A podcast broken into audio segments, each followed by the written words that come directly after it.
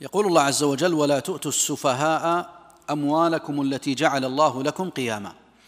في هذه الآية تفسيران وعلى كل تفسير يختلف الحكم. على كل تفسير يختلف الحكم. وهو المذكور في قوله تعالى أموالكم. ولا تؤتوا السفهاء أموالكم. هل المقصود بالمال هنا مالنا حقيقة؟ يعني مالي أنا لا أعطيه السفهاء؟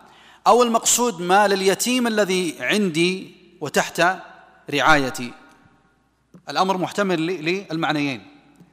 إما أن يكون المعنى ولا تؤتوا السفهاء أموالكم أنتم حقيقة حتى لا يبذروا فيها أو يكون ولا تؤتوا السفهاء أموالهم هم يعني اليتامى حتى لا يهلكوها.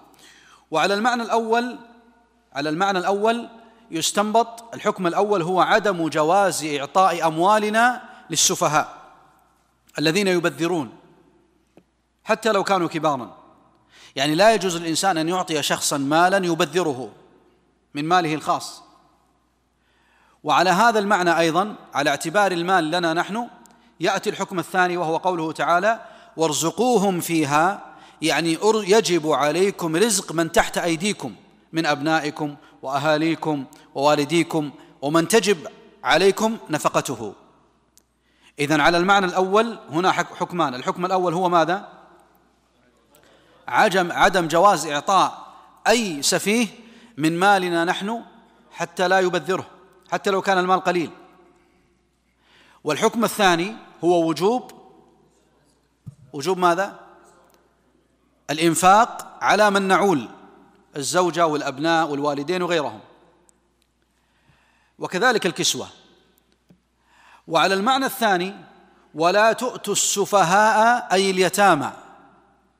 على المعنى الثاني ولا تؤتوا السفهاء يعني اليتامى أموالكم يعني أموالهم التي تحت رعايتكم. وسيأتي تفصيل في الآية التي بعدها متى نعطيهم.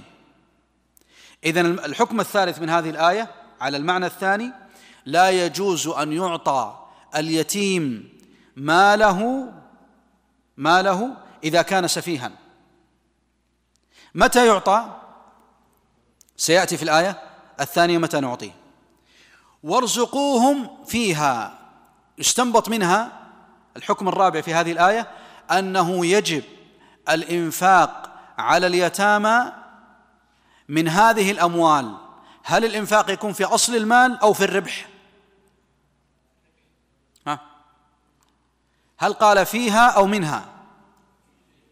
ارزقوهم فيها يعني من من الربح وليس من أصل المال. لو كان الإنفاق من أصل المال لهلك المال. أو لا؟ لو كان الإنفاق من أصل المال لهلك المال. ولذلك يجب على الولي الاتجار وتنمية مال اليتيم حتى لا ينفد كما قالت كما قالت عائشة رضي الله تعالى عنها وأرضاها. اذا نستنبط من هذه الآية أربعة أحكام. الحكم الأول عدم جواز إعطاء أموالنا للسفهاء الذين يبذرونها على معنى أن المال لنا.